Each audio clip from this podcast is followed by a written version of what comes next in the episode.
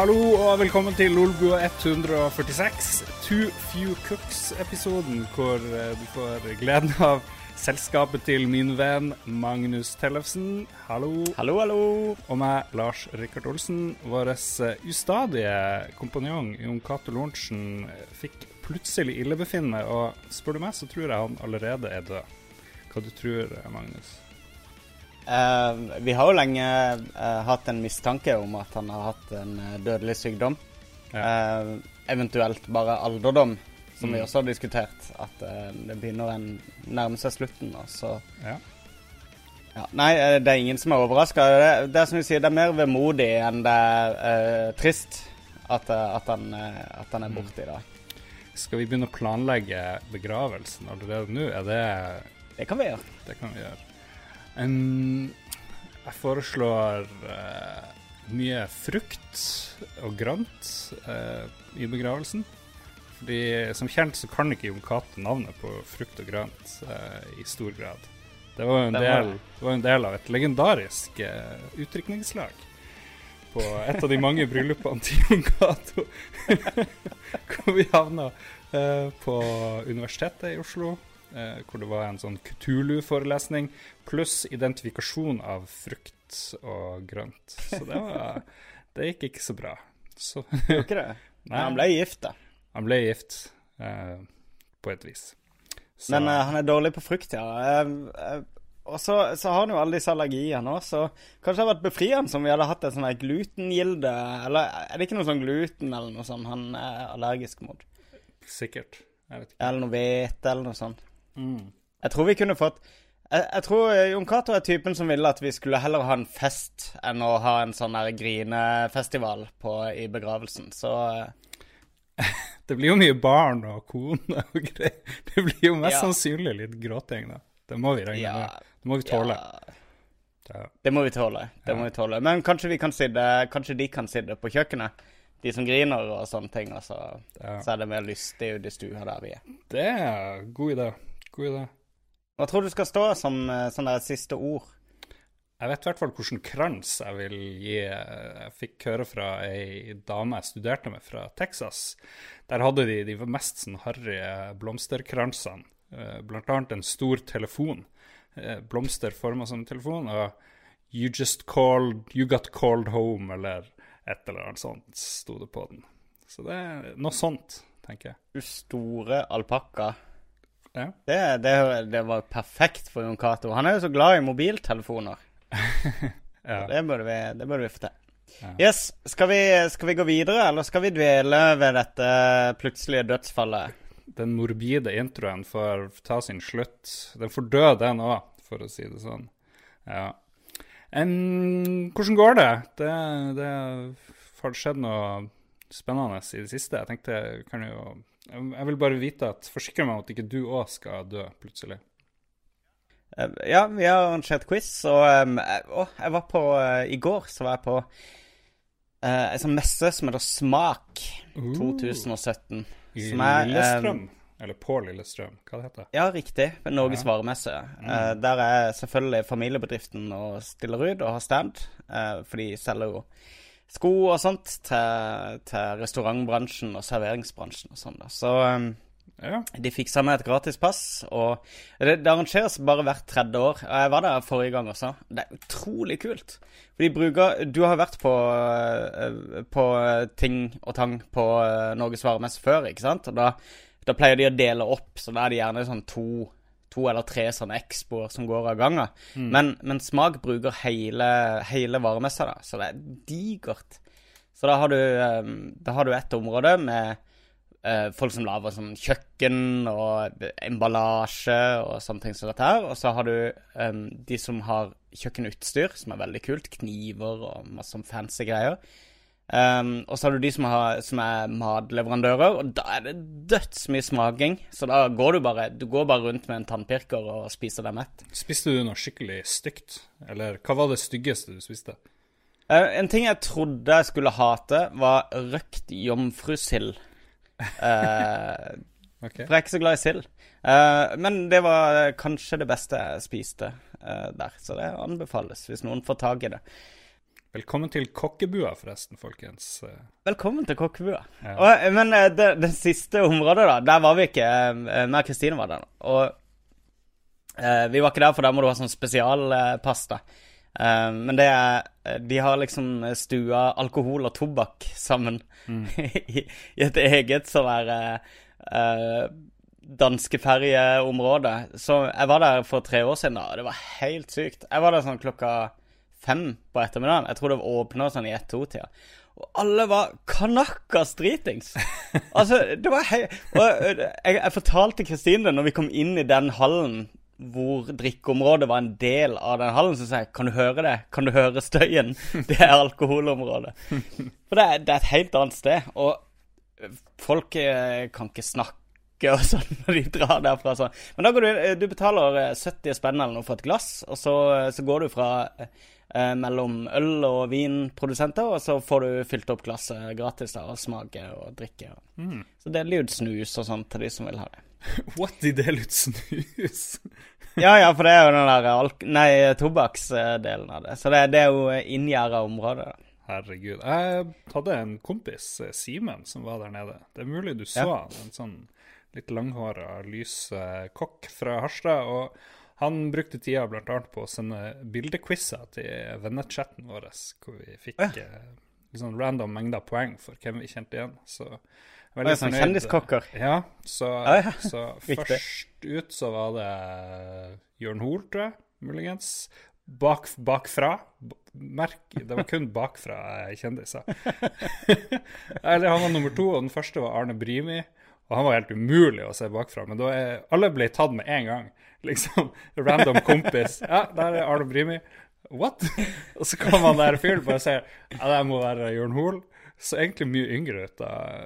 Og så var det han, og så var det eh, han som vant Bocuse d'Or, han sølvfyren. Ja. Han visste selvfølgelig folk hvem var, og til slutt så var det en eller annen random komiker fra TV3 som jeg tilfeldigvis okay. hadde sett på uh, standup en gang i tiden. Ja, for det, de har et sånn live-område også, hvor de har en del sånn kokkekonkurranser, og der de har mye sånn live-kokkelering. Og jeg tror i år så hadde de sånn nordiske lag som konkurrerte mot hverandre. Og Da pleier det å være masse publikum og masse kjendiskokker og sånt som er der og viser trynet sitt. Det var ganske kult for tre år siden, men vi var der ikke så lenge i år. Jeg må fortelle det, ja. Mm? Jeg må fortelle de som hører på det her og ikke følger uh, ja, uh, streamen uh, jeg, jeg, ser jo deg bare toppen av hodet ditt, Magnus. der ja. stiller opp. Men hvis du sitter sånn som du satt, så var det perfekt. Fordi nå har jeg flytta vinduet ditt over YouTube-streamen. så underdelen av hodet ditt beveger seg litt sånn av seg sjøl, og toppen av hodet ditt er Å, det her må jeg ta bilde av. Han oh, det høres utrolig Det er genial, genial effekt. Ja, ja, ja, ja, Det var veldig smart. Det var løsningsorientert, uh, vil jeg si. Nei, nei, nei, jeg tar bare den halvdelen jeg ser av ansiktet ditt, og plasserer det på, på et bilde jeg har av deg. Så funker det bra. Uh, konge. OK, er det mulig vi klipper det bort? Skal vi kjøre i gang med ukens um, første spalte? Ja, det kan vi gjøre. Det kan vi gjøre. Eh, siden Jon Cato er borte, egentlig så hadde jeg lyst til at vi skulle snakke en del om uh, Switchen, som han har vært og testa hands on i Sweden. Siden ja. det ikke går, så ba jeg våre lyttere i Lolboa Entourage på Facebook om innspill. Og det, der kom det mye gode og eventuelt dårlige forslag. Eh, vi kan jo bare begynne øverst, som vi bruker. Ja. Øystein Reinertsen lurer på om vi kan snakke om filmer som vi tror blir bra Open World-spill. Uh, han lanserer mm. Back to the Future. Uh, godt forslag, uh, kanskje. Big Trouble in Little China. Det, der, det må jeg si er mitt favorittforslag. ja, det var ikke dårlig. Ja, ja. Da snakker vi om sånn altså bra filmuniverser, rett og slett, som du kunne tenke deg mm. å, å ja. løpe rundt i. Kan vi si at uh, Westworld ville sikkert blitt et bra open world-spill? Uh, ja, Westworld er, er, jo basically Ja, det blir ganske meta, da. At uh, Hele ideen med Westworld er jo at uh, folk reiser inn der for å liksom kunne oppføre seg som de vil mot roboter. Ja. det. Og da blir det jo et lite ekstra layer, layer hvis du går inn via datamaskinen din med en virtuell character for å leve i en virtuell verden. Ikke hvis du er en av robotene og må beskytte deg mot uh, menneskene. Det er sant. Der har vi faen meg en god idé, folkens. Ja, Skriv det ned og sett en sånn C i en sirkel bak.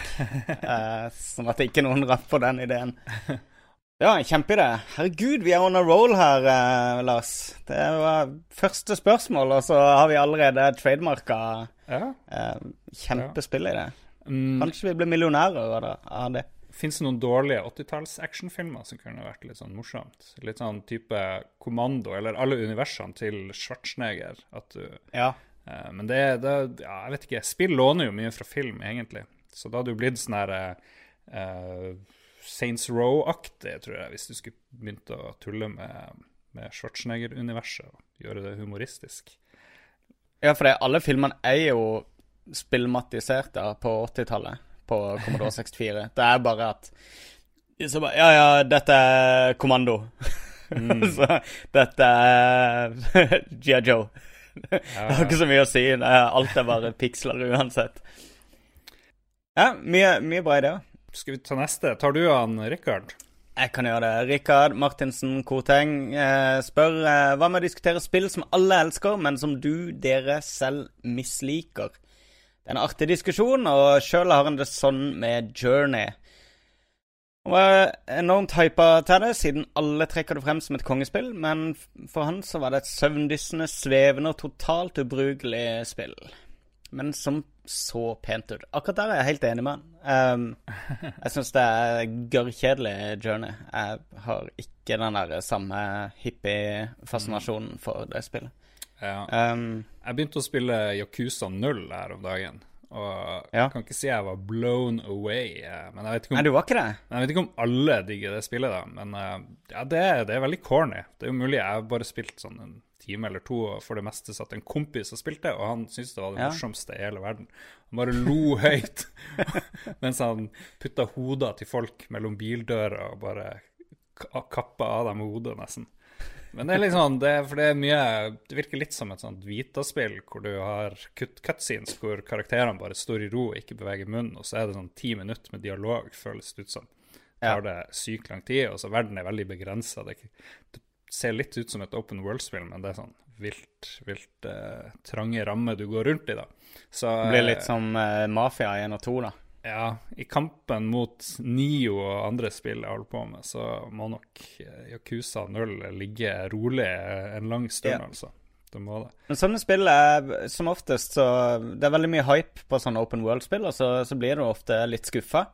Eh, men så lar du det ligge, og når du kommer tilbake til det med litt senka skuldre og litt senka forventninger, så er det ofte kult å, å sette i gang med dem.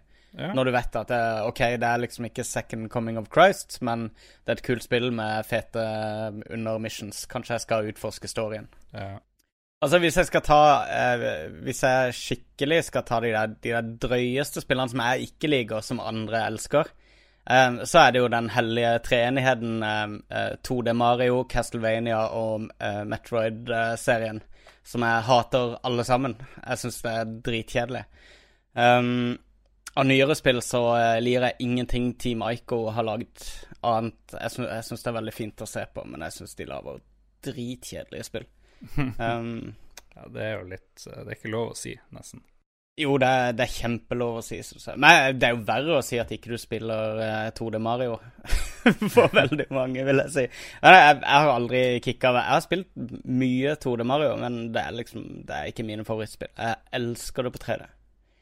Du kan uh, kaste deg på Jens Arthur. Han sier at vi skal snakke om uh, alle slags conspiracy theories. Uh, second gunman on the hill for JFK, månebase av fremmede fra andre planeter, reptilpolitikere osv. Jeg er fan av den der Flat Earth. Den, den gjengen der, de er fan av. Oh, jeg tenkte på det òg tidligere i dag, eller da Ja. jeg så forslaget. For det er så, Jeg synes det er så det, Du må være så så utrolig dum for å tro på det, liksom. jeg vet det. Jeg, jeg tenkte det var en gjeng med kverulanter som var sånn her Jo, jo, men dette er, det er et interessant tankeeksperiment å kunne kverulere seg frem til at jorda er flat. Men når du da sitter med, med, noen av verdens fremste forskere der er nødt til å fornedre seg til, å, til å forklare liksom helt seriøst altså, altså jorda er rund, folkens. Det, kan vi ikke begynne der, ikke sant? Det er som å liksom Det er som å motargumentere tyngdekraften, ikke sant? Ja, det er. Uh, jeg tenkte jeg skulle bruke det som min anbefaling denne uka, men uh, jeg må, siden vi er på tema, så har jeg hørt tre og en halv time med Joe Rogan, eh, konspirasjonskompisen hans, og Alex Jones i episode 9-11. Og eh, de driver og drikker whisky, og de røyker marihuana, og det tar bare helt, helt av. Og det er litt sånn greit i starten. De snakker om pedofile i Washington, den der Pizzagate-greia. Oh, det er altså. og det er underholdende. Og så viser, viser, Men Alex Jones, er ikke det han, uh, han um konservativ talk-radio-host. Uh, ikke konservativ, han er jo stein spikka gal. If I'm in a cafeteria, because I like going to blue collar places like Luby's, and I see old ladies in there that can are scrimping and can't buy food, I don't like to make a big deal of it, but I go up to the front and pay for their food. And then I start crying because 10 years ago, people were able to buy themselves food.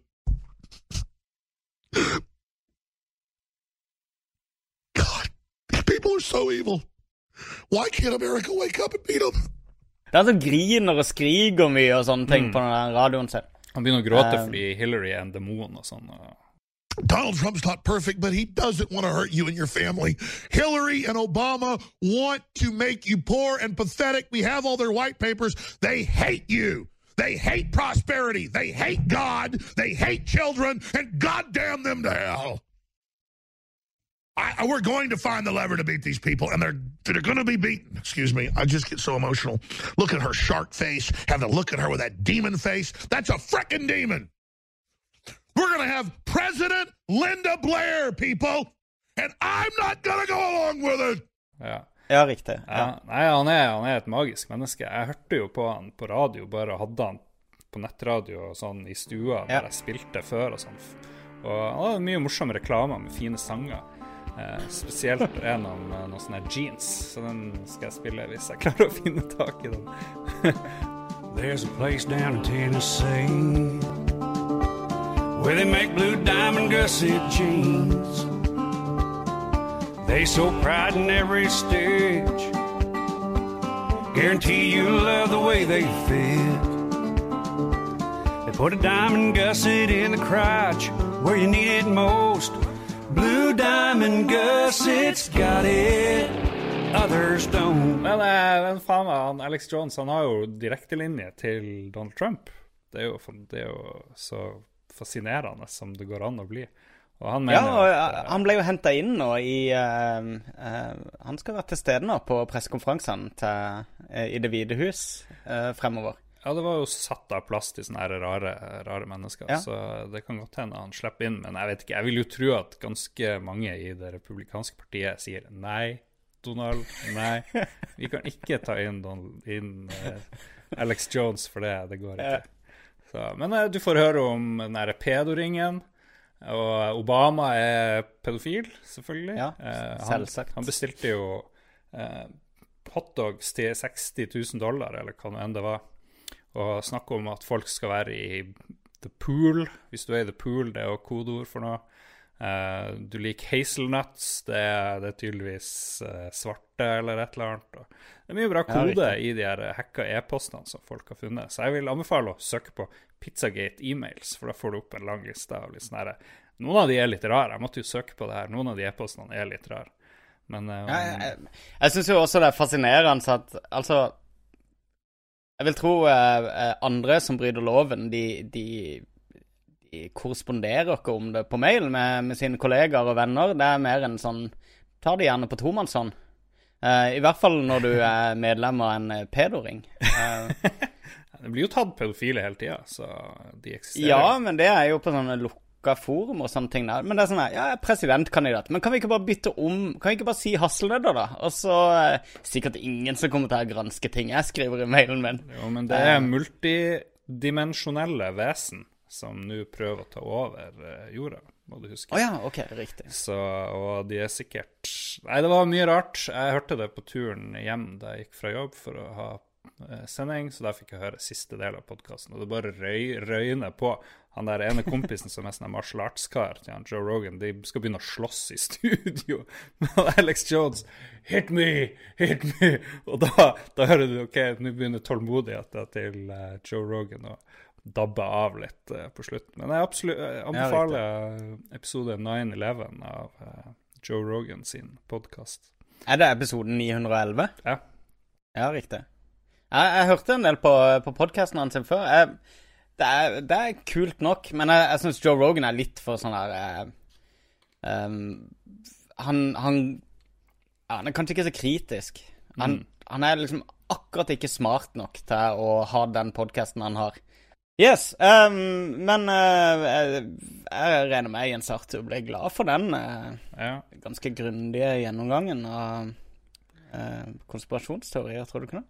Absolutt. Jeg anbefaler også Joe Rogan-episoden med der dama i King of Queens. Jeg husker ikke hva hun heter. Hun har jo et nytt TV-program om uh, scientologer som har hoppa av. Og det er vel to og en halv time om hvordan det er å være operating Theton 5, eller hvilket nivå hun endte opp som. Hun kom jo drithøyt. Eh, du sier Du sa psykologer nå, gjorde du ikke det? Men du mente scientologer? Scientologer, unnskyld. Så jeg Ja. psykologer. Ja. Jeg, jeg tror det, Det det men, eh, men historien vil, eh, vil vise hvem som har rett. Jeg anbefaler også Joe Rogan-episoden med der dama i King of Queens. Jeg husker ikke hva hun heter. Hun har jo et nytt TV-program om uh, scientologer. Scientologer, scientologer. Um, Helge Øberg For oss fortsette med ekstremt lokale anbefalinger spesial.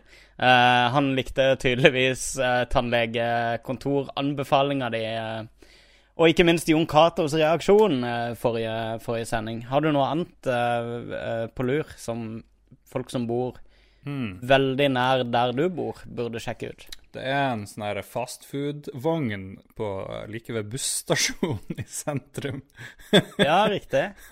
Ja, i sentrum, så da, da dekker du jo Det er jo ikke så lokalt. Hvor, hvor faren til Mariam har sånn fastfood-greie. Og i hvert fall på sommeren så griller de koteletter ute på sånn åpen grill. Mulig jeg har nevnt det Oi, før. nice. Beste nattmaten du kan få noen sted i verden. No doubt. Raimond Er det sant? Ja, det er helt sant. det er ikke kødd. Uh, Raimond Eikås Caspersen sier at det må alltid være noe Trump-greier å diskutere. Jeg vet ikke. Så du at uh, South Park-folkene visstnok har sagt at nå bare gidder ikke å ta så mye mer Trump fordi det er for vilt. Det er for vanskelig å gjøre noe morsomt av det. Samtidig så Ja, det eh, er, ja. det er jo problematisk, er det ikke det? Jeg vet ikke. Samtidig, uh, Saturday Night Live har jo hatt noen Det er jo litt opp og ned der, men hun Melissa McCarthy Ja. sin uh, Sean Spicer var jo megabra. Jesus Ja. Christ. Men ja, men det er litt problematisk at uh, folk liksom At det liksom Det blir for mye for folk, så de bare styrer unna. Så folk slutter liksom å, å, å ta, ta den på ting, da. For det, da lykkes han liksom med den strategien med bare sånn overflod av weird. Bjørn Magnus Midthaug spør uh, kunst eller betong til skulpturen. Er vi eh, lokalt i Harstad igjen nå, eller? Nei, jeg vet ikke. Vi går videre. Det var morsomt. Øystein Reinertsen lurer på Å uh, oh ja, han har vært med to ganger. Han som lurte på filmer som kunne bli Open World-spill. Eh, Da tar vi Roar Granevang i stedet. Eh, I forbindelse med lanseringen av den nye Nintendo-maskinen, tror dere at katalogen med NES og Commodore 64-spill vil være stor eller veldig stor? Han mener nok Nintendo 64, tenker jeg. Det var Commodore 64-spill på Wii U virtual-konsollen, så det er ikke 100 sikkert. Du kunne Ja, få okay, Summer ja. Games og litt sånne Ja, greier før jeg tror de bare ga opp. Men det var jæklig gøy, da. Jeg, jeg tror ikke folk skal forvente liksom at de tar eh, hele liksom gull-lineupen fra Nintendo 64 i hvert fall, eller GameCube og sånn, og relanserer. At de legger for mye arbeid inn i det. Men eh, det blir sikkert noen remakes. eh, det blir sikkert et par HD-remakes, tenker jeg, av, eh, av klassikere i hvert fall. Og så, så blir det sikkert en, eh, en heftig porsjon med NES-spill for de som aldri blir lei av 1985. jeg, jeg syns virtual console-greia er så uinteressant. altså, hva er poenget? Hva, det virker som det liksom er et argument for folk, da. Men sånn her, ja, jeg gleder meg til den nye konsollen kommer, så jeg kan spille de første spillene de lagde, som jeg også kan spille på Gameboy eller DS eller 3DS. Ok, men Hvordan Eller- forklarer du populariteten til NES Classic Mini, da? Den er jo superpopulær. Ja, jeg vet det, og jeg har jo ment hele tida at jeg, jeg syns bare det er fjollete, fjollete dings. Eh, sånne type sånne her, No, eh, no, no.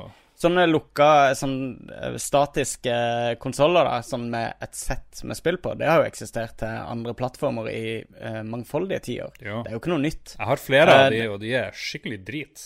Nesten absolutt alle sammen. Men Ja, ikke når du først har prøvd NES Classicen og ser bildekvaliteten og interfacet og alt mulig Eneste som er dumt med den, er at er kort ledning på den kontrolleren som følger med. Ellers kan du jo eh, jailbreake den òg. Det er folk som har flere hundre spill på den. De har liksom Ja, klart å Men, utvide men da kan du like godt gå for en sånn Raspberry Pi-løsning, da. Nei, det er mye vanskeligere. Hallo. Det er mye vanskeligere. Nei, det er det ikke. Det er så mye kits på det der på nettet at det får man til. Nei da, men jeg, jeg syns bare Jeg syns hele ideen da med å bare selge gammel moro om og om og om igjen, sånn Sony også gjør, for så vidt Det er veldig eh, antiprogressivt da for, eh, for konsollen. Å fokusere hele tida på hva de har gjort. Du har, sånn eh, du har ikke peiling i det hele tatt. Det Jeg, mener dette helhjerta. Jeg irriterer meg litt over det. Stort, stor svikt i personligheten din. Jeg har bestandig likt deg frem til nå. Hvis du ser da, den, den, altså Gullalderen til de forskjellige konsollene har alltid vært på et punkt hvor de innoverer seg sjøl. Hvor de på en måte setter en strek over hvor de kommer fra, og så, så kjører de på med en, haug med nye IP-er og liksom og redefinerer seg sjøl gjennom innovasjon. Eh, og I de svake periodene da begynner de å relansere gammelt ræl. Og Jeg syns det er litt sånn sykdomstegn når eh, Og det var et problem på PlayStation 4 første år, i hvert fall. At det, det meste som kom, var relansering av gamle spill. Det er jo litt alt du har lyst for. Hvis du ser, ok, hva er neste generasjon, hva er neste innspill? Hva er neste innspill? Jeg 20 år siden. Hva gjorde? Jeg synes det er. Ja, ja. ja. Bra rant. Bra rant. Det nærmer seg Alex Jones-nivået der. eh, Ja. Litt for lite gråting. Uh, Ja, De som ikke ser på streamen, kan jeg bare forklare at, eh, at eh, tårene renner nedover kinnene mine nå mens jeg snakker. oh. Um, Marius Lyseggen Står det Krinnan? Han eh, ber oss trekke frem noen bra mockumentaries. Mm. Og det går vel ikke an å nevne mockumentaries uten å nevne Spinal Tap. Den første mockumentarien. Your first drummer was uh, The Beeper. John Stampy Peeps. yeah. Great, great, uh, tall, blonde geek with glasses. Uh, Good drummer. great look, good drummer. Good, yeah, good yeah, drummer. fine What drummer. happened to him? He died. He he died in a bizarre gardening accident some years back. It's really one of those things. It was, you know, the authorities said, you know, best leave it It's not talking about, unsolved, yeah. really. You know. And he was replaced by. Uh, Stumpy Joe. Eric Stumpy Eric Joe Child. Childs. and what happened to Stumpy Joe? Well, uh, it's not a very pleasant story, but He's uh, he, passed on. he died. Uh, he choked on. Uh, the the official explanation was he choked on vomit. It was actually, uh, was actually someone else's vomit. Fantastisk bra. Lenge This siden is a Spinal Tap. Ja, jeg, jeg ser den ja, Kanskje ikke en gang i året, men annethvert år eller noe. Og den, den holder seg dritbra. Mm.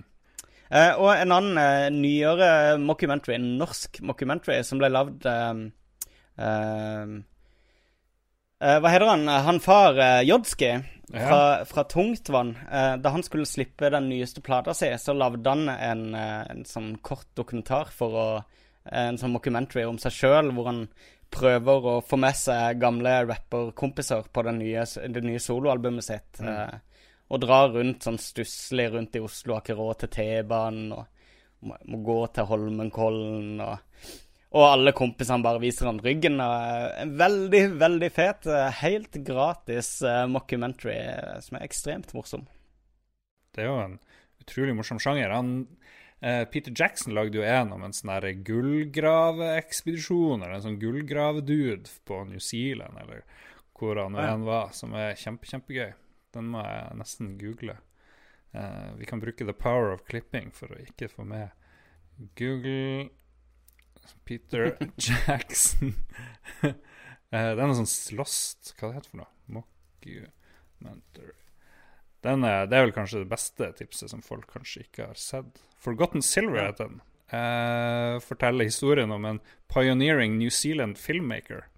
Ja, Forgotten Sibler. Han er ikke en gullgraver. Det var, det er bare Nei. navnet som gjorde at jeg tenkte på edle metaller. Eh, og så driver han og lager sånne enorme sånne, Du vet de her Jesus-filmene før i tida med sånne her Det ja, tusen var sånn. Kleopatra-størrelse Ja, ja, ja. Jo, jeg husker han nå. Ja, og de har funnet de gamle filmklippene der. Ja, Riktig. Ja. en godbit. En godbit. Da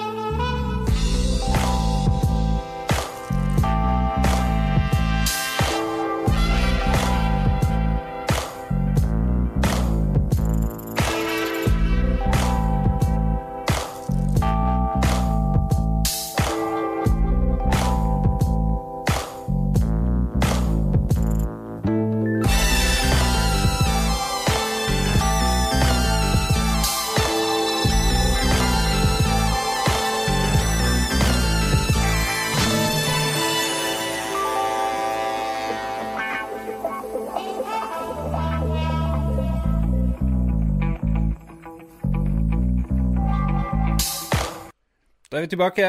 Ehm, jeg spurte deg om, siden vi mangla en mann og sånt Her er dagen for å gjøre litt crazy ting. Karl Magnus ja. Tellefsen, den kreative fontenen du er der nede i Oslo. Du er jo, du er jo en self-made man i kulturfeltet på mange måter. Um, har du noe bra, bra nytt, ny spalte vi kan ta, bare flette inn her og nå? Spalte og spalte Jeg vet ikke, jeg er inne i en, er inne i en periode hvor jeg gjenbesøker en del gamle, gamle spill, og uh, prøver å spille gjennom uh, gamle sånn slagere som jeg aldri fikk unna uh, da de pågikk. Å, vent litt. vent litt. Um, Hører, du hva, hører du hva som er i bakgrunnen her nå? Det er kjenningsmelodien til Magnus retrospillspalte.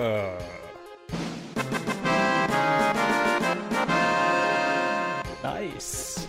Nice. Jeg liker den. Jeg liker den. Godt komponert, Lars. Tenk at du lagde den helt sjøl. Absolutt.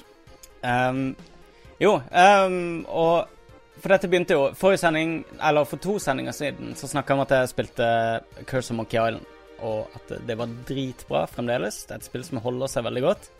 Um, jeg er jo av den oppfatninga at eh, gamle spill stort sett ikke holder seg godt, og uh, heller bør bevares i minner i stedet for å plukkes opp igjen og, uh, og ødelegge alle ill- illusjonene om bra gameplay. Um, jeg har likevel uh, vært veldig inne i sånn adventure, point and click-humør igjen i det siste, så jeg tok for meg eh, Kyrandia-serien. Spilte du den noen gang? Legend of Kyrandia? Vi har nevnt og snakka litt om eh, den Kyrandia-greia. Det var en lytter som Ja. nevnte den, og da fyrte du på alle pluggene. Og det har jo Ja. satt spor, tydeligvis. Jeg har jo eh, jeg har veldig varme minner, spesielt fra toeren, da. eh, heter alle varme minner fra toeren. Yes, jeg venter på den. Det heter Hand of Fate, og er eh, det andre spillet i trilogien. Det første ble rett og slett for gammeldags, da. Du dør hele tida. Det er egentlig ganske Det er veldig basic puzzles, da. Toren uh, var det er en, en, Dette er jo fra 90-tallet, fra tidlig på 90-tallet, og, og det slår meg at det var mye lavere krav til liksom hvor mye historiefortelling man trengte for, for å fortelle en spillhistorie i gamle dager. Det var gjerne sånn at idet du liksom har tatt siste bossen, da, eller løst siste puzzlen, så viser de bare at de seiler vekk i horisonten med en rulletekst. Eh, That's it. Du, du får ikke en sånn der lang avslutning og Ikke sant? Sånn eh, Glem det der eh, Mass Effect 3-hysteriet. Hvis, hvis På 90-tallet, hvis vi hadde fått den endinga der på et hvilket som helst spill på 90-tallet, så hadde vi jo grene. Um, Men liker du veldig lange avslutninger, sånn som i Lord of the Rings, hvor det tok 20 minutter før de klarte å avslutte filmen etter at alt egentlig var over?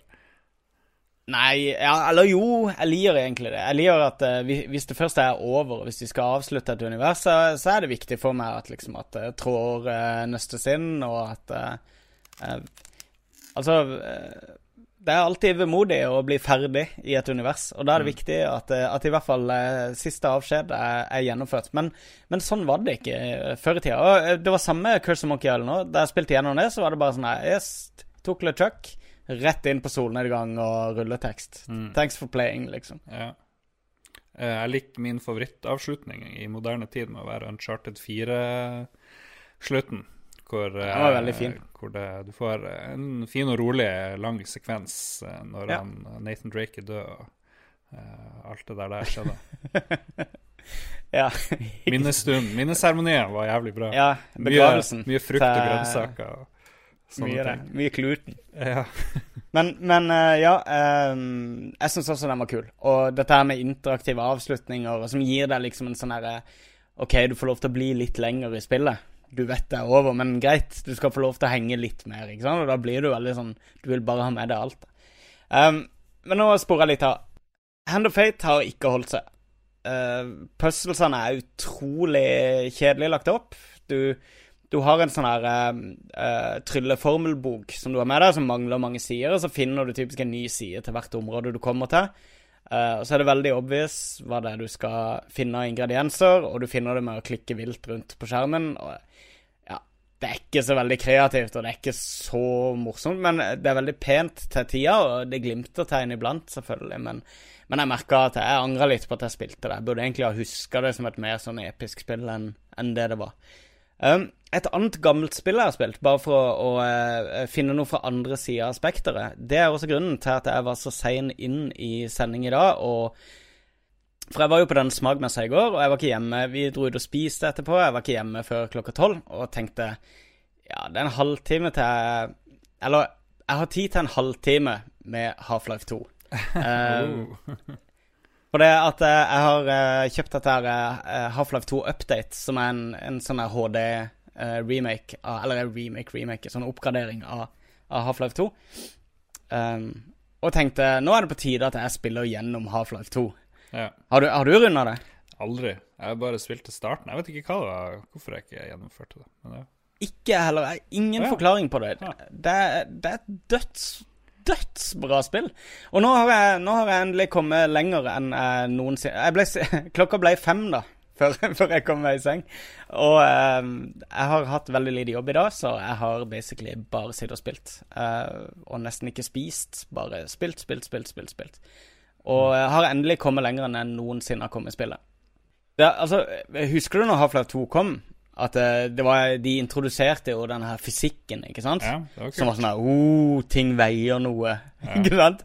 Og, så det er en del puzzles i spillet som fremdeles er der, ikke sant? Med at eh, plasser noe på andre sida av vekta, så kanskje muligens at, at uh, fysikken lar deg få lov til å komme videre.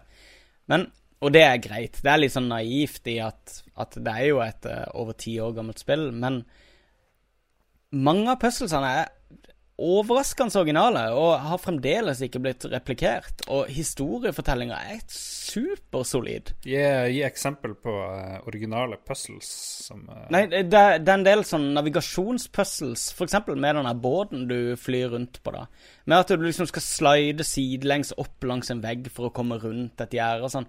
Det er en del, uh, en del sånne ting som jeg ikke har sett Som jeg ikke har sett eh, i andre spill i ettertid. da Pluss at det er ganske utilgivelig. Eller det vil si, de kan plassere noe uh, De kan pla plassere et batteri på en, uh, et sånn stupebrett 15 meter opp i lufta. Og du er stuck i området frem til du liksom øyner det. Sånn, Øy, hva er det der oppe? Og så begynner du å kaste ting opp for å få det batteriet ned. Det er veldig sånn Fuck you, vi har ikke tenkt å fortelle deg noen ting om hvor du er på vei, da. Um, Og jeg merker etter eh, 1000 millioner timer med Overwatch, så begynner jeg å bli ganske decent i førstepersonshootere. Så nå, eh, nå, eh, nå ruler jeg litt i det òg. konge. Um, ti tomler opp. Eh, Det er et eh, kjempespill den dag i dag. Jeg gleder meg til å sette i gang med episode 1 og 2, og endelig liksom få uh, hooka den uh, bucketlist-tittelen. Syns du det er det beste Valve-spillet? Er svak for Portal eh, 2. Mm. Eh, jeg er det. Jeg, Jeg, jeg syns Ja, det er, det er så vakkert. Den og Etter å ha runda Portal 1, når, når du liksom du begynner å liksom se de glimter til med litt grafikk i omgivelsene. Når de, de gir deg sånn små drypp med, med vegetasjon og farver og sånn. Og det er bare sånn Tusen takk! Det er så utrolig pent. Og eh, ja. Ja. Jeg fullførte ikke Portal 1 heller. Hva sier du? Fullførte aldri Portal 1 heller. Nei, for det er sånn at du løper fra laboratoriet til laboratoriet, ikke sant? Men eh, det er jo veldig morsomt, det òg. Men, men Half-Life 2 er liksom et litt annet beist, da, og, eh, og er jo lagd mye, mye tidligere. Og det, det lanserte jo alt Altså, når du ser hvor mye det har revolusjonert uh, skytespill, hvor mye som kom først i det spillet der, så, så er det ganske fascinerende at det fremdeles uh, holder mål. At det vel fremdeles er de som har brukt veldig mange av disse elementene best. Så jeg håper de lager en, eh, en ny shooter snart. En ny sånn adventure-shooter. Jeg håper Portal 2 kommer på Switch eh, i virtual console. Righty-dighty. Skal vi se, er det noe mer vi kan putte i Magnus retrospill-spesial? Eh, Vi kan jo spørre når det kommer, den her eh, streaminga som skulle komme i sommer, var det ikke det? Det skulle, det skal Jo. en streaming of summer. Summer of streaming. Ja.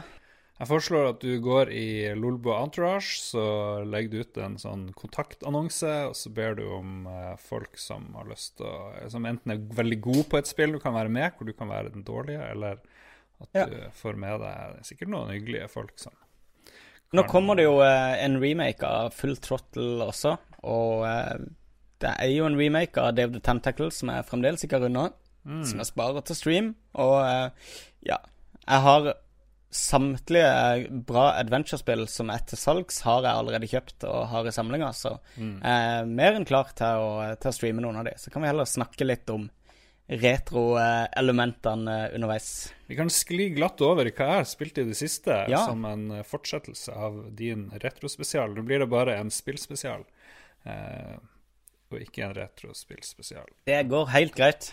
Smør på flesk der. Eh, jeg har spilt eh, veldig mye Nio, det her eh, japanske Ja. spillet som jeg hadde lyst til å prate om i forrige uke, men da var det fremdeles embargo på det. Og Jeg har også spilt det. Hva syns du? jeg syns det er helt konge. Det er så awesome. Er. Det er jo en sånn her irsk dude, eller hva det nå er, som Historien forklares kun i sånne tekstbolker inne i spillet etter hvert som du fortsetter. I starten så bare er du i fengsel. I Tower of London. Ja, og må rømme ut. Og så plutselig så kommer det en sånn badass fyr og tar en sånn spirit eh, fra deg. Og så må du liksom følge etter han til Japan, og det er jo der spillet foregår. Og, og hvorfor han var i Tower of London, og hva den spiriten var, alt sånt, det får du kun i tekstoppsummeringer. Det er litt teit. Det er litt lat, syns jeg. Ja, så, men eh, så lenge du kan lese og se, så kan du få med deg historien. For det er jo liksom gameplay som er king egentlig eh, her. Og så fortelles jo historien i sånne bruddstykker når du finner er ved ulike lik rundt omkring, i f.eks. i starten i den fiskelandsbyen, hvor det, så får du liksom hørt å, det kom bandits her, og hvorfor er de her, og ditt og datt. og så har jeg Ja. kommet forbi det området. Det tok sykt lang tid å komme forbi det første området og slå den første bossen, men jeg klarte det i går og var superhappy. Ja, for det, det er jo sånn at hver gang Det er jo eh, litt sånn som Dark Souls, ikke sant? Med at hver gang du møter på en eh, Uansett hvor uviktig han er, så, så må du liksom OK, nå skal vi fighte. Så nå skal vi duellere. Eller Det er ikke sånn at du bare Det er ikke Devil May Cry, der du bare danser gjennom rommet og dreper 30 av gangen. Det er Du må fokusere på hver fight og ta det seriøst, ikke sant? Ja, absolutt. Og etter du klarer det første området, så åpner det seg et kart, så du sluses ikke videre. Du kan velge side missions, og du kan gå til en sånn blacksmith og alt det der. der. I noen andre spill så vil du kanskje fòre til en landsby og chilla der, og så kunne gått videre. Men de gjør det litt sånn quick and dirty. Men det syns jeg er helt greit, egentlig. Men jeg elsker spillet, men det, det begynner å litt overvelde meg hvor mye drit jeg får i inventory, for det bare rauser på med Ja. sverd av ulike sorter, av gevær og piler og Hvilke, hvilke våpen har du valgt som eh, primære og sekundære våpen? ja, Du kan velge i starten noe sånn primærvåpen, men det har, det, du velger egentlig ikke våpen, du velger bare hvilken stat du får en pluss i, egentlig, etter det, kanskje. Mm. Ja, riktig. Så jeg begynte med en sånn dual katana, som var ganske super awesome. Det var litt morsomt. Så jeg for rundt med det og et, en øks en stund, men så kom det bare et veldig bra vanlig sverd, så da har jeg begynt å fokusere litt på det, en sånn vanlig Ja. katana. Så jeg begynte å pumpe opp mye health, er det det? Et eller annet sånt? Jeg tror det var det som gir deg mest, bisart nok. eh, Det er en sånn stamina eller health som gir deg mest i sverd. Så jeg har pumpa opp der. Men jeg har lest at kanskje det er lurt å ha ti i hver stat, og så har jeg begynt å bruke magi, fordi liksom hvis du har ninjutsu-magi og en sånn annen type magi som du kan pumpe poeng i. Og så Ja, alle, alle de her, alle våpnene og alle magitypene har sin eh, sitt skill-tre, som er ganske langt. Ja, og jeg skjønte ikke i starten at du kan scrolle ned forbi alle de første tingene, så finner du masse andre ting òg. En av de beste tingene å ta først, er at hver gang du dodger, så refresher du òg den keyen. Fordi Ja, du kan kun slå og springe mens du har key, eh, i tillegg til helse, da. Så den Ja. er, det er en sånn Ja, Ki er liksom energien din, ikke sant, som, som du bruker til å slå med og løpe, sprinte med. og... Ja, for du refresher i starten key ved å Etter du har gjort en bevegelse, så kommer det en sånn blått felt innover kroppen din, og så må du trykke på L, R1 for å liksom gi en sånn boost, ekstra boost i keyen din, sånn at du kan fortsette å slåss mye fortere. Ja. Hvis du har den der dodge-mekanikken eh, inne òg, så hjelper det veldig. Men eh, alt som har med Japan å gjøre, er jo jeg en sucker for. Det, Ja. det er jo skikkelig awesome.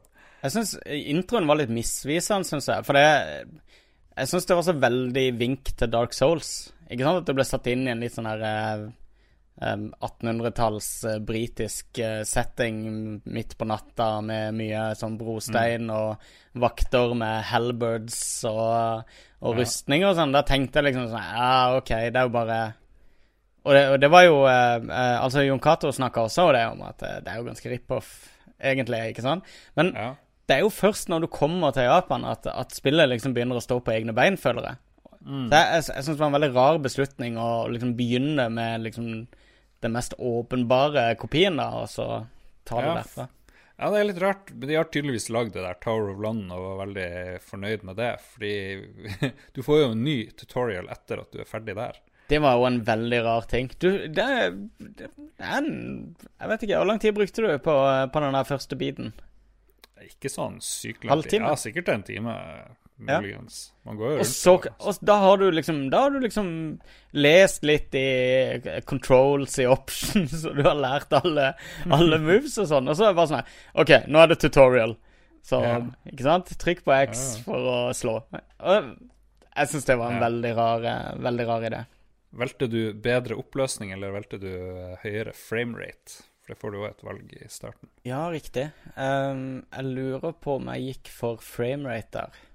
Ja, det tror jeg jeg vil anbefale. Da Ja. er det vel rimelig silk smooth. Nei, det er digger det. Nio. Fucking Det er det første spillet Awesome. som er er, merkbart bedre på PlayStation Pro, sies det. Ja. ja. Um, Alrighty. Det er- var fem av fem. Fem av fem. Hva, hva gir du, da? Jeg gir det 37 av 45, tror jeg. jeg det. Det fikk vel 37 av 40 Kotaku. Nei, i Kotaku sier jeg i eh, Hva heter det japanske bladet? Spillebladet. Famitsu. Famitsu. Ja. Vi tar en liten pause. Ja.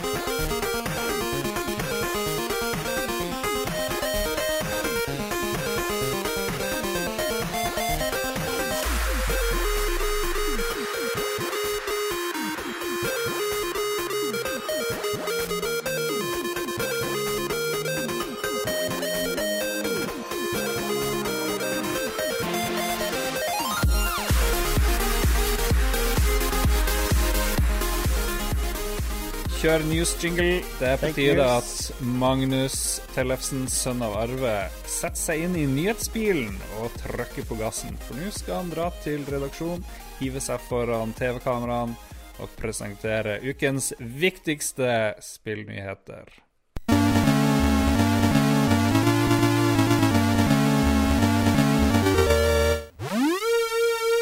Nyhet nummer én.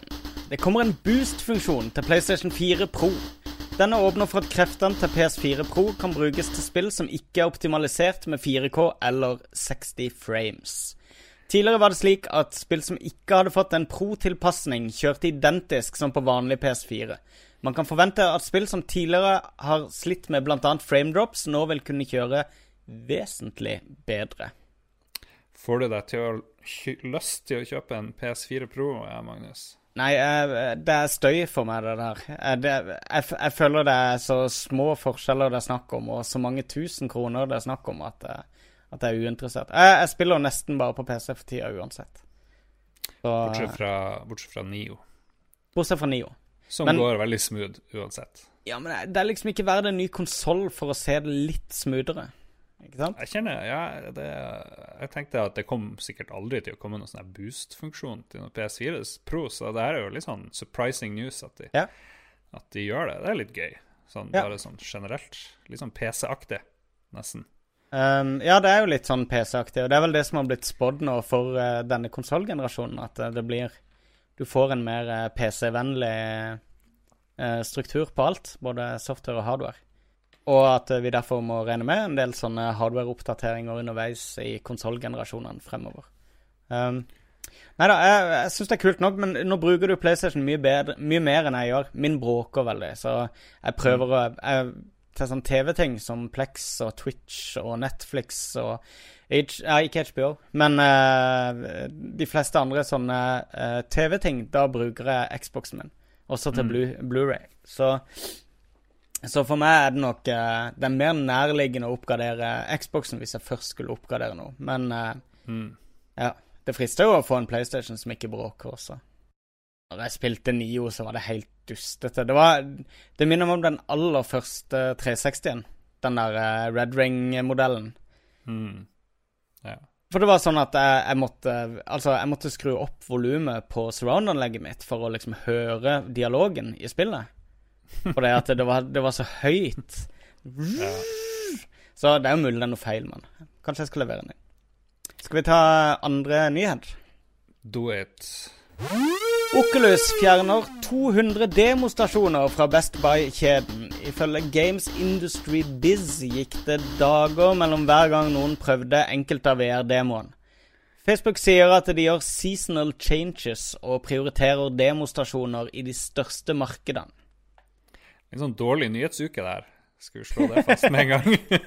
Jo, men, men det er interessant. Jeg har jo sett uh, Elkjøp har vel også sånne VR-demostasjoner. og jeg så til og med på, på Smakmessa i går, så var det Så hadde de Steep på, uh, med HTC Vive.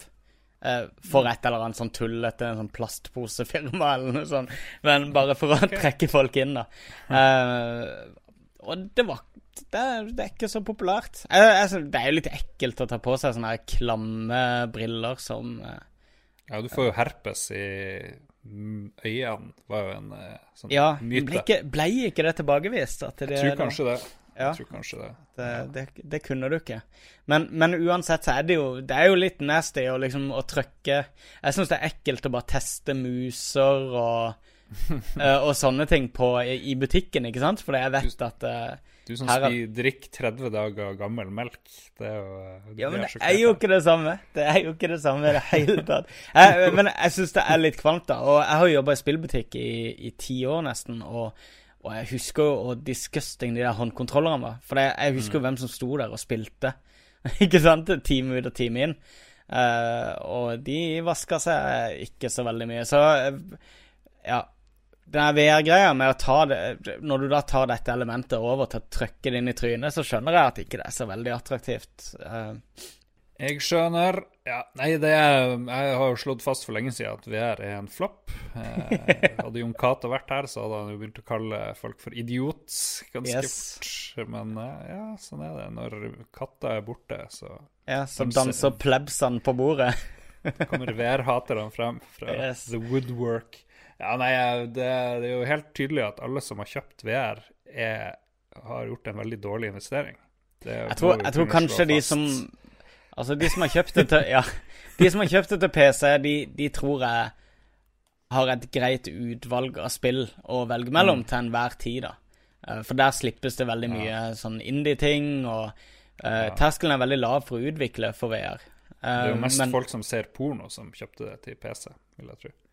Ja, det er 10 000 spenn for å se på porno i VR. En spennende investering. Um, de der real dollsene er vel ca. like dyre, er de ikke det?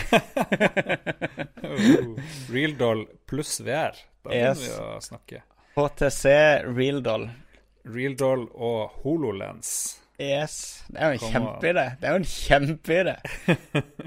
OK, da setter vi en C i sirkel bak den ideen. Og da, da har vi faktisk to, eh, to gründerideer vi kan bare sette i gang med med en gang vi er ferdig med sending. Um, nyhet nummer tre. Ja, her er det, her er det eh, friskt med nyheter denne uka her. Fifa 18, eh, mine damer og herrer. Det mest interessante spillet som kommer i år. Um, for Nintendo Switch er en fullverdig versjon av spillet med egne Switch-tilpasninger, sier Electronic Arts. Det forventes lansert på samme tid som de andre konsollene. Jeg redigerte litt ned den nyheten. Vi får det jo fra, fra vår entourage, og der Ja. var det først påstått at uh, man trodde det skulle komme en sånn egen versjon til Switch, og ikke en, en eh, versjon på linje med de andre. Ja. det, men eh, det er jo en, en win for Nintendo hvis de får Fifa, som det høres ut som de gjør. Så det er jo veldig bra. Det må liksom til. De må ha litt Triple A-shit for å pushe Switch ut av dørene. Og denne uka så gikk jeg til min lokale GameStop. Eh, veldig glad for at vi har GameStop i Harstad, men jeg handler jo ikke så ofte der så, så mye, dessverre. Men jeg punga ut 500 kroner, ville de ha, for å reservere en, eh, en Switch. Og jeg tenkte ja, ja, fuck it. Det er vel et Jeg- depositum, er det ikke det? ja. Så ville jeg ha den til launch. Jeg har mer eller mindre bestemt meg for å vente og kjøpe Zelda på Wii U, faktisk. Mm. Um, Og det er en, eh, det er en veldig uh, voksen beslutning til å være med, fordi det er få som er så svake for lanseringshype som det er, i hvert fall på hardware. Så vi får se, da. Nei, Det er jo gøy at de store selskapene hiver seg med. Jeg vet ikke hvor mye de har å tape på det. De kan jo sikkert porte, eller f.eks. en port, Fifa 18-port, bør jo liksom Det bør jeg klare uten å svette så veldig mye. egentlig. Jo, men hvis de skal utvikle noe sånn egen funksjonalitet da, for Switchen, så, så må de begynne å se hvor mye kommer vi til å tjene på dette salget her, og Ja. hvor mye koster det å lage, og hvor viktig er det liksom å, å være tidlig ute og markedsføre seg som en, en sånn pioner på den plattformen. Som best i klassen i, på BI, hva du tenker om sjansene til uh, suksess for Switch? Gjør en, gjør en psykisk uh, Alex Jones-markedsundersøkelse i hodet ditt. nå. Er riktig. Eh, det, det er vanskelig å si, for det Wii U gikk så dårlig som det gjorde, og Wii uh, gikk så bra som det gjorde. Eh, jeg er helt blank. Jeg, jeg tør ikke forutsi noen ting om Switch uh, sin fremtid. Jeg syns det er OK, OK, OK. Take two. Nå må du sette deg i rollen til en okay. besserwisser for okay, BI. greit. uh, si noe bombastisk om Switch. eh, Jeg tror kanskje ikke det fins et uh, marked for eh, Kanskje du brukte ordet Ja, kanskje. ja, riktig. Det er altfor modererende. Det finnes selvfølgelig ikke noe marked for eh, Nintendo når de kommer på banen eh, to og et halvt år etter de andre konsollleverandørene. Eh, med svakere hardware, men med en sånn eh, gimmick eh, med at du kan ta det med på Du kan ta med konsollen på en eh, to timer lang reise. Um, et, et, Ikke, nei, ikke si tror. jeg er overbevist. Nei, men, men det skal veldig mye til at, øh, at det skal gå bra for Nintendo med Nintendo Switch. Eh, De er nødt til å ha noen ordentlige ting å slå i bordet med. Og Duel lanserer Zelda på både Wii U og på den nye på Switch. So, So stupid. jeg So Ja. stupid. en dårlig idé. Og for ikke bare være litt bråkjekke og si at eh, det, det koster en ny konsoll å spille nye Zelda. Utrolig bra. Du er faen meg Norges nye Michael Pactor. Er det? Right there and then. Jeg så det.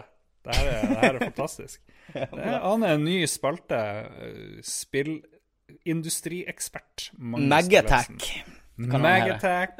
Oh, shit. Veldig bra. Vi tar en liten pause, og så skal vi se om vi finner på noe mer å snakke om etter pausen.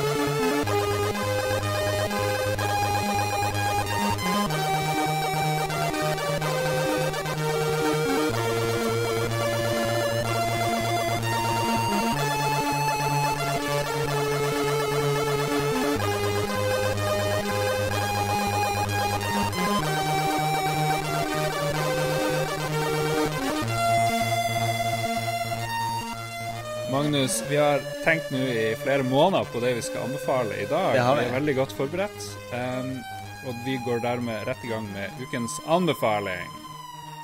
Magnus, hva, hva slags fantastisk opplevelse vil du at våre uh, lyttere skal dele med deg? En av mine favoritt-tegnefilmserier er uh, henta frem fra forglemmelsen og skal få en uh, sesong fem. Um, Jeg snakker om uh, Samurai Jack, Oi. som er en uh, serie utvikla av en animatør som har vært i Cartoon Network-systemet, eller Hanna Barbera-systemet, i mange, mange år. Han heter Gendy Tartakovsky. Han lagde uh, Dexters Laboratory, og han har vel lagd noen av de morsomste episodene av Powerpuff Girls, blant annet. Og han har liksom vært en sånn allrounder i systemet der. Han ble også leid inn av George Lucas til å lage uh, Clone Wars, en animasjonsserie som kom i bare to sesonger. En sånn Ja, tegne... Har du, uh, så du noen gang den serien, eller? Det var sånn femminuttersepisoder. Men det var så lett å hate Star Wars på den tida, så jeg så Ja, ikke riktig. så mye. For uh, det som er spesialiteten til Genny Tartakovsky, er sånn fighting Altså fighting-animasjon. Han er veldig flink til å, til å ehm, Det irriterer meg at jeg ikke finner ordet. Uh, men i hvert fall å, eh, å, å koordinere eh, veldig imponerende klipping og, eh, og eh, fighting moves og, og veldig sånn over the top eh, og artig animasjon. Utrolig pent. Det er en slags blanding av sånn derre tsjekkisk uh, tegnefilm fra 80-tallet og manga, hvis det går an å si det. Um, og det er uhorvelig voldelig, og samtidig så er det alltid roboter eller demoner og sånn som enten blør massevis av olje, eller så blør det ingenting med røyk og sånne ting. Tingene er uh, Samurai Jack er en serie som eh, handler om en, uh, en samurai som har et, et, eh, sånn magisk sverd, som er det eneste sverdet i eksistens, som kan ta livet av den onde demonen Aku, som er the main bad guy i serien. Uh, I første episode så oppsøker han Aku, som da har uh, um, underlagt seg hele hans gamle landsby i eldgamle Japan og, og konfronterer han da til en fight. Så rett før dødsstøtet på Aku, så klarer Aku å åpne en sånn tidsportal som sender Samurai Jack mangfoldige tusen år frem i tid. Sånn at han da har mange tusen år på å forberede seg på, eh, på denne fighten mot Samurai Jack. da. Og i mellomtida så kan, han, kan han ta over hele universet, ikke sant? Fordi at dette sverdet eksisterer ikke. Det som er greia, er at akkurat nå, for tida, så driver Adult Swim, som er voksenprogrammet til Cartoon Network Nå driver de med sånn gratis maratonstream av sesong 1 til 4 på cartoonnetwork.com Nei, adultswim.com, unnskyld. Um, Hvor du kan se eh, Ja, hvor du kan se alle, eh, alle episodene helt gratis. Eh, it. Det anbefales varmt. Fordi det skal komme noe nytt, eller bare fordi det Ja, er nei, det er i anledning sesong fem, som begynner nå i mars. Um, som skal være en, en mye mørkere uh, uh, vinkling da, av det gamle, gamle Samurai Jack-universet. Min anbefaling er ikke et produkt, men en Nei. eh, metode for å nyte og like filmer du ser. Eh, og kanskje også TV-serier, men mest for film. Den består i at du ser film med noen andre. Du kan gjøre det sjøl òg, men det er morsommere hvis du gjør det med noen andre. Og sånn litt ut i filmen så begynner man å tenke Hvor mye kosta det egentlig å lage denne filmen, tror vi? Og så er poenget da å komme nærmest budsjettallet for filmen, uten å slå det opp, selvfølgelig, før alle er enige om et tall. Og det Nå ser jeg sykt mye dårlige filmer med spesielt én kompis, men også Mats og de andre i gjengen. Ja. Og når vi sitter og ser eh, en Steven Segal-film, for det, det er liksom Steven Segal-maraton for tida her. Okay. Oppdaga at det er veldig mye på iTunes. og og den Maren har gitt ut 1000 filmer, så det tar litt lang tid å komme gjennom det. Han kom ut med syv filmer i 2006, tror jeg. Ja, Han er gal. Ja.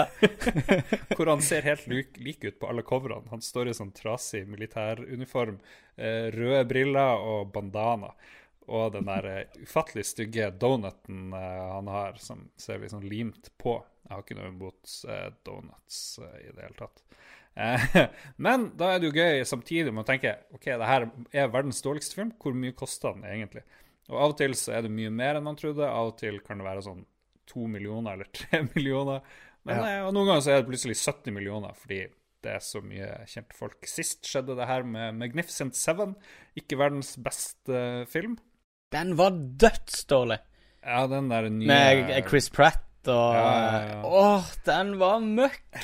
Den var dritdyr. 77 Ja. millioner dollar, eller hva enn de tror den koster. Ja, det var tydelig. Tydelig påkosta. veldig. Og det var jo en dritbillig film, for det var jo midt ute i bushen. Men det var mye kjente skuespillere, så det er muligens eh, det det foregikk i. Og så tror jeg det er mye sånn narkolån, vasking av penger i den filmindustrien. For noen av de koster mye mer enn de burde gjøre. Ja, jeg husker Uwe Boll. Han pleide å skryte av det. At han, han, eh, han brukte Han bare pusha opp eh, budsjettene sine for å skrive av, da. Eh, så derfor så, så, så pusha han opp eh, budsjettene på sine spillfilmer. Ja. Um, ja, men, men det må jo være en Hvis du skal benytte deg av den Hvis du skal eh, ha sånne leker som det der, så krever det jo at det er møkkafilm du ser på. Jeg mener, jeg så, jeg så Kongens nei her forleden. Uh, ikke sant? Og det, det er ikke noe kult å se på den filmen og så bare Nei, nå skal jeg bare fokusere på kulissene. Og liksom, Hvor mye koster de kulissene i dag? Ja, men det gir en ny dimensjon til filmer, uansett hvor bra de er. Hvis jeg ser verdens beste film Jeg tror jeg, tror jeg ser Jeg tenker budsjett nå på alt. Alt jeg ser, faktisk. Ja, men er trekker ikke det deg litt ut? Har du ikke sånn suspension of disbelief når du, når du ser lite. eh, en god film? Veldig lite suspension of disbelief. Ja. Det, nei, jeg vet ikke. Jeg vet ikke hvorfor. Det er bare Jeg, jeg er på avstand. Men um, ja, hvis du vil gi filmseinga en ny dimensjon, gjett med dine venner hvor mye koster den, så kan premien gjerne være en, en klem, f.eks. Jeg vet ikke. Kom ikke på noe morsomt. Trenger ikke være noe premie. Vi har ingen premie. Men uh, jeg syns vi Jeg drev og vurderte Burde jeg liksom skrive ned budsjettet på alle filmene jeg så, hva jeg gjetta? Det er litt trist. Jeg tror jeg ikke skal gjøre det. Det er litt Det sånn eh, det, det er sånn Trainspotting. Ja, det er litt sånn som du finner på sånn her polstra celler skrevet med bæsj på veggene. Føler jeg. Er det ikke det? Jo, men det er en fin anbefaling, det. Å uh, ha noe å gjøre mens en ser på dårlig film, er ikke noe du skal skusle av. Um, har vi uh, Og du anbefaler jo selvfølgelig også Alex Jones uh, sin podkast. Eh, nei, ikke Alex Jones sin, Joe Rogan sin podkast, hvor Alex Jones er gjest. Ja, ja, ja, den 9/11. sendinga, ja. Ja, riktig. Som vi snakka om i begynnelsen av sendinga. Ja. Absolutely.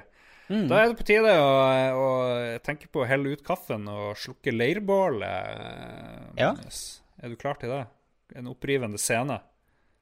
Jeg driver liksom og, og prøver å overbevise meg sjøl om å ikke gå tilbake til Half-Life nå, for nå er klokka eh, halv tolv her eh, akkurat nå, og eh, jeg ser for meg at klokka lett kan bli fem igjen hvis jeg setter meg ned med Half-Life igjen. Men det har vært en hyggelig episode, som det alltid er når vi, når vi kjører disse spesialduo-episodene. Absolutt. Veldig chill. Lite, lite krangling. Ja, og, eh, ja, ikke sant? Og, og vi, vi går videre til, til nye temaer som vi sjøl føler for. Vi har så god tid når vi er to. Ja, ja. Ja. Og det blir vel bare oss to neste uke òg, muligens. Vi får se. Mulig vi får zombie-Jon Cato tilbake. Jeg har noen eh, Jeg har faktisk lest meg opp litt på sånn nekromansing og sånn, for jeg har jo eh, selvfølgelig forberedt meg på at uh, i hvert fall ett redaksjonsmedlem kunne finne på å dø underveis i Lolbua.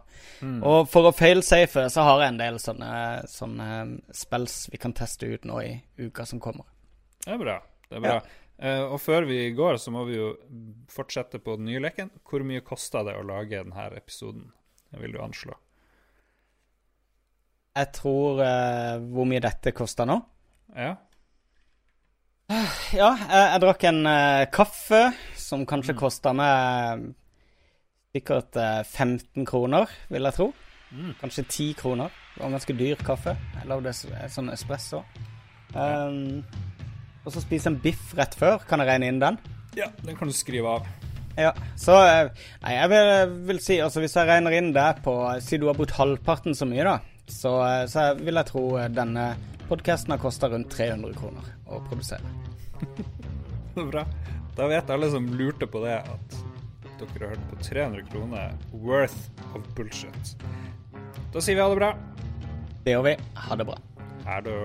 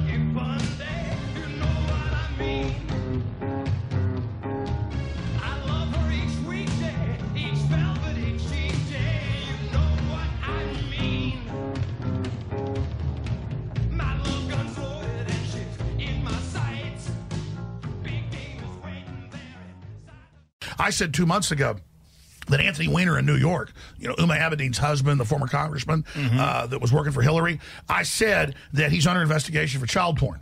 Okay, and then now it came out yesterday that they're looking at indicting him for child porn. Well, I had that from the NYPD. They- that came out yesterday. yes. Wow. Why, what, what did he do? He had something on his computer. Well, now uh, that they won't tell us, but I was told that tied into that whole Pizzagate thing, which again the media misrepresented what we said and did. It came out in all those WikiLeaks, all these weird codes. Okay, Like Talk- they, there was a bunch of weird codes about pizza and about Well, a piece of pizza. President Obama wants sixty uh, five thousand dollars in hot dogs delivered. And they're like, "Are these really good hot dogs? The hot dogs weren't as good last time. Well, these are succulent hot dogs. Okay, so that's not about kids. That's that's How code word retarded for- do you have to be? well, what is that about? It's it's male prostitutes. I mean, that's what the code means. Really? Yeah. Okay. Yes. How do they get male prostitutes to, to keep their fucking mouth shut? Well, because you know bad things happen if you don't. Federal child porn charges possible for Anthony Weiner. But but I'm on record months ago. I'm on record months ago saying that that's the case because I had those sources. And so the government, good elements of the government know what's really going on. So the media then mis- misrepresented and said, oh, look at 4chan. They're talking about a thing called Pizzagate in some pizza place in D.C. And the media looks at it and says, oh, Alex Jones is claiming all this bad stuff's happening at this pizza place. I'm like, what is this? So they divert to some probably innocent pizza place to distract off of all the emails that the, that the uh, New York police have and the FBI have that's just this monstrous reported pedophile network. So to discredit that, they go create a fake story hoping we jump on it to then divert over to that story. And then once we're on that, it diverts everybody off from Anthony Weiner. What? Which then leads reportedly, which leads reportedly Hold to a larger network.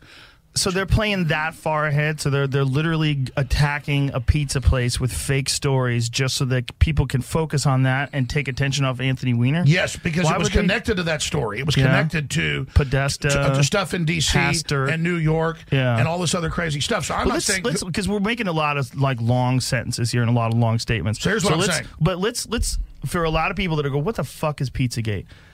There was this Ben Swan guy who did this uh, recent piece about it, and a lot of people got very angry. Did you see the piece? Did you see the piece that he did? It seemed to me to be pretty measured, and he was making some connections to between that little that's that symbol for child pedophilia. Yes. and uh, or just pedophilia, right? Right, and um, the, logos. pizza, the logo for the pizza place. He also made. Did he make the Hastert connection with Podesta? well, I mean, Hastert uh, confirmed child molester and, and and best buddies with Podesta, and former Speaker of the House. and then you expand on that. Right, but let's let's just do it step at a time because Okay. this is really kind of important stuff. So that's all 100% true, right?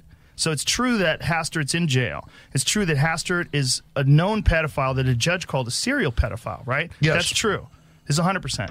It's true that Podesta was friends with Hastert. That's 100%, right? Yes. And then all this other stuff now becomes odd. Doesn't it become odd? And but if you say it's odd, if you look at it, this Ben Swan guy with this what I thought was he was just kind of expressing what is weird about this case.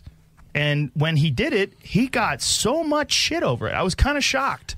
I was kind of shocked. People were calling him a moron and Well, listen, I got the same thing, but but that's what I'm saying. They build a straw man. So imagine thousands of emails come out with them talking about we'll have the kids ready six, seven, and eight in the hot tub at this time, and they're you I know, didn't see anything like that. oh, it gets it gets really where crazy. where did it say that? it was in Whose the email? emails. There's freaking thousands of them. But it said we'll get the kids in the hot tub. Yes. I never saw that. Can you can you see if you can find that, Jamie? That seems like that's just the whole thing is so bizarre. It's like we're going to have the kids delivered for entertainment. They'll be in the hot tub. Now, these are great kids, but kids can be kids. well, you know what's fucked up about it is how few people really mention that connection to Hastert. I would have thought that would be a huge, huge, constant. Well, Joe, I love the fact that, and, and I'm not kissing your ass, rising it's true, that you're very astute. I just bring up this whole big topic of how they twist things. You go right to the key points that, okay.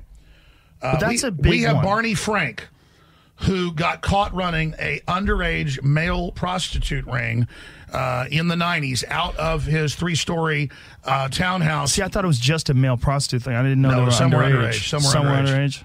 And then, but listen, Because I was with him all up to age 19 plus or whatever. Sure, but then, but then what happened is he goes on C-SPAN on the House floor and says, "If you continue to investigate this, I'm going to expose half of you that are involved in this in this room." And the investigation got shut down. So the reason this is important is for shadow government, you need something so bad that everybody who's involved in it ever ever comes out will be destroyed. So that binds them all to the secrecy. So that's where child pornography comes in, and that's where pedophilia comes in. That's where you get so many of the elite being into it. But just as you said, you have the Republican establishment trying to get Hastert out of nowhere as a wrestling coach to run for office. Then reportedly, he's the procurer, just like Penn State. And just like they had the Sandusky, thing, yeah. Sandusky and the underage, you know, Mhm. kids that they were quote mentoring, getting farmed out to supposedly big donors. What's So crazy this is, whole is this is where we, so we're talking about two very specific cases, right? Two very different cases. But what's crazy is they're both real. It's both real. 100% Sandusky, who was a very respected man in the community, did a lot of charity work with uh, young, disenfranchised children, and was molesting them at the same time, and was super respected in the community. And he was the Yes. right hand man to Joe Paterno. So that whole thing just fell apart. And the headquarters from our research of the pedophilia is like Pennsylvania. Right. You see, Okay. what about the Franklin cover up? And that's that's all- that's the, that's up in uh, Hold on. What does this see, Jamie? It says we plan to heat the pool so uh, possibly Bonnie will be Uber service to transport Ruby Emerson and Maeve Luzado 11 9 and almost 7. So you'll have some further entertainment and they will be in that pool for sure. What in the fuck? That's only one of them. And they But talk that's, about and that's a real confirmed email, yes, right? Yes. Jesus Christ. But listen, here's the problem.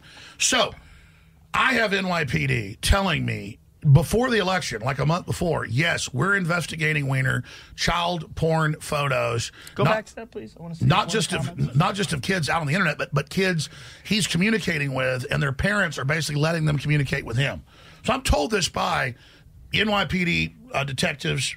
I mean, the Secret Service gave me information about how Hillary was collapsing all the time. Remember, we reported that, and then it got caught on tape. So, so, so all this stuff goes on and on and on, and so I'm not saying half the people or or, or 90% of them, you know, are, are are are guilty or innocent in all this. All I know is we start covering it, start asking questions. They then divert off into somebody on a 4chan forum pointing out there was some email about a meeting at some pizza place uh, in D.C. where top Democrats go. They then turn the whole thing into I'm blaming some pizza place. I'm sending shooters in to shoot people at a pizza place. Make up all this crazy ass crap when I never even said any of that. And then you go back to me two months ago, three months ago. I said the police have told me they're investigating Wiener uh, for pedophilia and child porn when it was not in the news. Now notice it's in the news. What I'm saying is, I sl- got this from hold on. police. Slow down before we get away from this because I got to go back to that. There was a quote up there that I, that Jamie pulled up that I wanted to read. The one on the lower bottom about this. Now this these are the emails that you were talking about, and these are 100% confirmed emails. Go back to that one that was on the bottom. The- Scroll down And to the again, one I'm not saying any low. of these people are guilty. Yeah, what is that I'm that's saying this is the okay, controversy. okay, hold on a second here. So six grown-ups with two toddlers and two infants spread throughout the house, and sure enough, one of the toddlers was rubbing my nose at 5:45. What the fuck does that mean? The FBI has a, a whole Parents blueprint. got back to retrieve the children. They threw in the towel and what? I don't know, man. This is uh, like I don't know what the fuck those emails mean. But he- like, let's just now. I mean, everybody wants to immediately shoo this away as disgusting. But then hold in on the a second. middle of it, we're- impossible. we're but hearing- we're talking about two very specific proven cases, Yes. right? Hastert proven, Sandusky proven, real, huge, elite, powerful people that were also active pedophiles, right? Yes. So that's a fact. who know each other and are buddies. And then you've got Podesta's brother, who's big in Washington, in an article in 2007 in the Washington Post. I'm going to try to give you the exact headline, which was something like uh, radical art or something. And it's like naked Yeah. photos of the neighborhood kids in their house, and then they're showing it, throwing it in your face. It's, it's, it's just crazy. But that's not even stuff I get into. But there, wa- but there is something to that because some of his artwork was super disturbing that he had in his house, like little it turns kids out with you their know all pink, about this. pink butts. Yeah. they were they were in their underwear and it looked like they had been paddled. Yes. and they were all standing there with their butts facing. Well, you. see, It's as usual, very bizarre. Joe knows more about this than I do. See, and that's all I do is cover these real things. So let me give you the new news. So, but that is real. The government got pissed off about this. The pedophile rings have gotten so big that the intelligence agencies began to leak all this info. And they knew Hillary was planning to steal the election. She did steal five states, according to the experts and proof we have. How did she do that? What do you They- mean? Uh, but let's let's they, let's they, not tried keep, to break into six states. Let's not go on these Trump long, long rants where there's a bunch of different statements that Sure. need to be addressed. Sure. So let's just from right there, you got to get to that. Like, how did she steal five states? You can't kind of gloss over that. Okay, no, she tried to. How did she do tried to steal six states. She did steal five states. Well, Bev Harris, who's a big liberal, big Democrat, had the HBO documentary "Hacking Democracy." Right. She's the leading expert. Uh, she was actually a month before the election through whistleblowers got the actual code that had been loaded on machines all across the country. You should have her in studio to steal the elections. I saw hacking democracy, and I saw that they did engineer those voting machines so that you could have a third party input and change it. and And, they did it on live on the show. And, and, and that was a decade ago with Bush. This is new. Okay. So, so what is- she's the top election fraud expert. So she comes on my show. Uh, the story's on Infowars.com. And she says, uh, We've got evidence. And then I had the, the hacking experts on, and I had the industry whistleblowers on, and I had the county officials on at every level. We have the fraud proven that Democrat connected groups were already loading code onto machines all over the country, but it's different companies, but about I think it was 18% of the machines in the country to be able to remotely break in and and flip votes. So, because they were aware of that, a bunch of states were waiting and watching, and Homeland Security broke in live into six states and kept trying to flip the results. And they even have screenshots and videos of them in the computers, in there clicking and doing it all. There's major investigations going on. You hear the news going, Trump's crazy. He claims illegals voted to make it about illegals. That was one statement in a larger election fraud deal of actual computers. So, so Trump knows about all this. So she comes on and says they're planning this fraud. Then she comes on after the election and she says, yes, it's clear. Here's where precincts closed. Here's where all this happened, where 100% went for Hillary. Or right after it closed, all the votes that then came in were 100% for Hillary. They didn't even care. But the landslide was so big for Trump, they couldn't steal it. She successfully stole five states. She tried to break into six others or her controllers did, and got blocked. The, the tsunami for Trump was so huge uh, with the real polling we can break down later that they still weren't able to steal it. And now patriots inside U.S. intelligence agencies are preparing to roll up the pedophile networks nationwide. That's why you've seen arrests in Pennsylvania, arrests in L.A. I haven't seen these arrests. Who's getting arrested? It's just now breaking, and it, it's it's big institutionalized. 474 arrests, 28 sexually exploited children rescued during statewide human traffic operation. They're getting down now. Holy shit. There's a takeover, right? Holy shit. But look at the numbers there 474 people arrested. But they're Oh only God. rolling up the Renfields that get the people for the psychic vampires.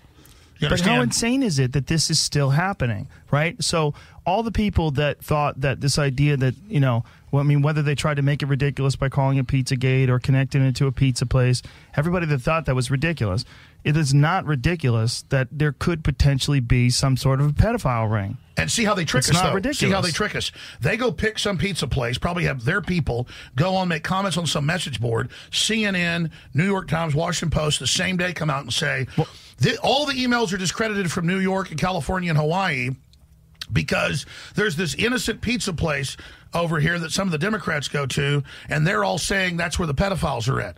Okay, so then the, the internet all goes and looks at that and starts trying to prove, to disprove MSM, that, oh, there must be something going on there.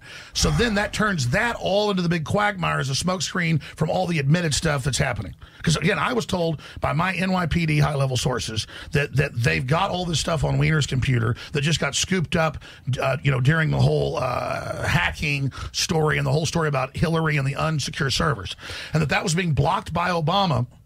And that as soon as Trump got in, they would go back after Weiner. Then I was told by a former section chief from the CIA that indeed this was an operation they were running against him to start leaking all this. And so what you're beginning to see is the beginning of all the pedophilia coming out as they roll up the procurers that grab your kids out of backyards or that go out as social workers and get the kids or whatever. They're rolling all those up right now to get the Renfields. Renfield brings the people to Dracula. Okay, that's the allegory. I'm not saying a real Right, vampire. right. I know what you're and so they're going to now roll it up into the higher level groups uh, right now. That's well, what here's, Trump's doing. here's what's going on with a lot of this stuff. We you have to be real careful in how you describe these things and how you talk about these things because people are looking for any little tiny thing to discredit it. And one of the reasons why they're looking at it, they're doing it for personal reasons because it seems you you no one wants to be ridiculous. No one wants to be a fool, and no one wants to be someone who's talking about conspiracies that aren't real. So people are very hesitant to to talk about something that's unproven but horrific, just like, this. just like right? 15 years ago, it was a conspiracy theory that that the Catholic Church had any pedophilia. Right. Now we know Yeah. 30 percent were doing it. We now know the old Pope had to step down, was blackmailed uh, with info about other high level priests by the new guy that came in. Uh, I mean, this is heavy stuff. It's the, the the the Catholic Church stuff is absolutely horrible and proven over and over again. And again, when I was a kid, it was rumor. It was just things that were whispered. And you would now- hear about it. And now it's. I always wondered how they're getting away with it. It's so out in the open. How come there isn't more They're arrest? psychic vampires stealing the energy from the kids. Well, what the most common thing they do But is why they don't they find get very, thrown in jail? The most common thing they do is Why? they find very troubled kids that don't talk about it. People with foster care, kids with no parents, kids who come from really troubled backgrounds. But nobody you will would believe. think- but you would kids who are, who are abused. Just like Sandusky ran a abused children's Yeah. shelter and group, and then would take the kids out, sometimes overnight at rich people's houses to make them feel better. yeah, yeah. It's And it's then no scary. one wants to believe that the that the assistant coach and that all these powerful people. But when he finally got caught, he was raping eight year olds in the showers at noon on a Saturday at the field house. Yeah, and someone who worked there found it, watched it happen. Mm. Walked in on them, literally, and that's what, what it all fell apart. So that's what always happens. so These guys get more and more arrogant. And so all I'm telling you is I'm not saying anybody's guilty in these thousands of emails. You go read them and it's like the last walnut sauce you brought wasn't very good. Oh, well, these are good walnuts. You're going to, oh, I love walnuts. And then you go read in the FBI breakdown what that's code for. What's code for walnut? Har du et enkeltpersonforetak eller en liten bedrift? Da er du sikkert lei av å høre meg snakke om hvor enkelt det er med kvitteringer og bilag i fiken, så vi eh, gir oss her, vi. Fordi vi liker enkelt. Fiken superenkelt regnskap.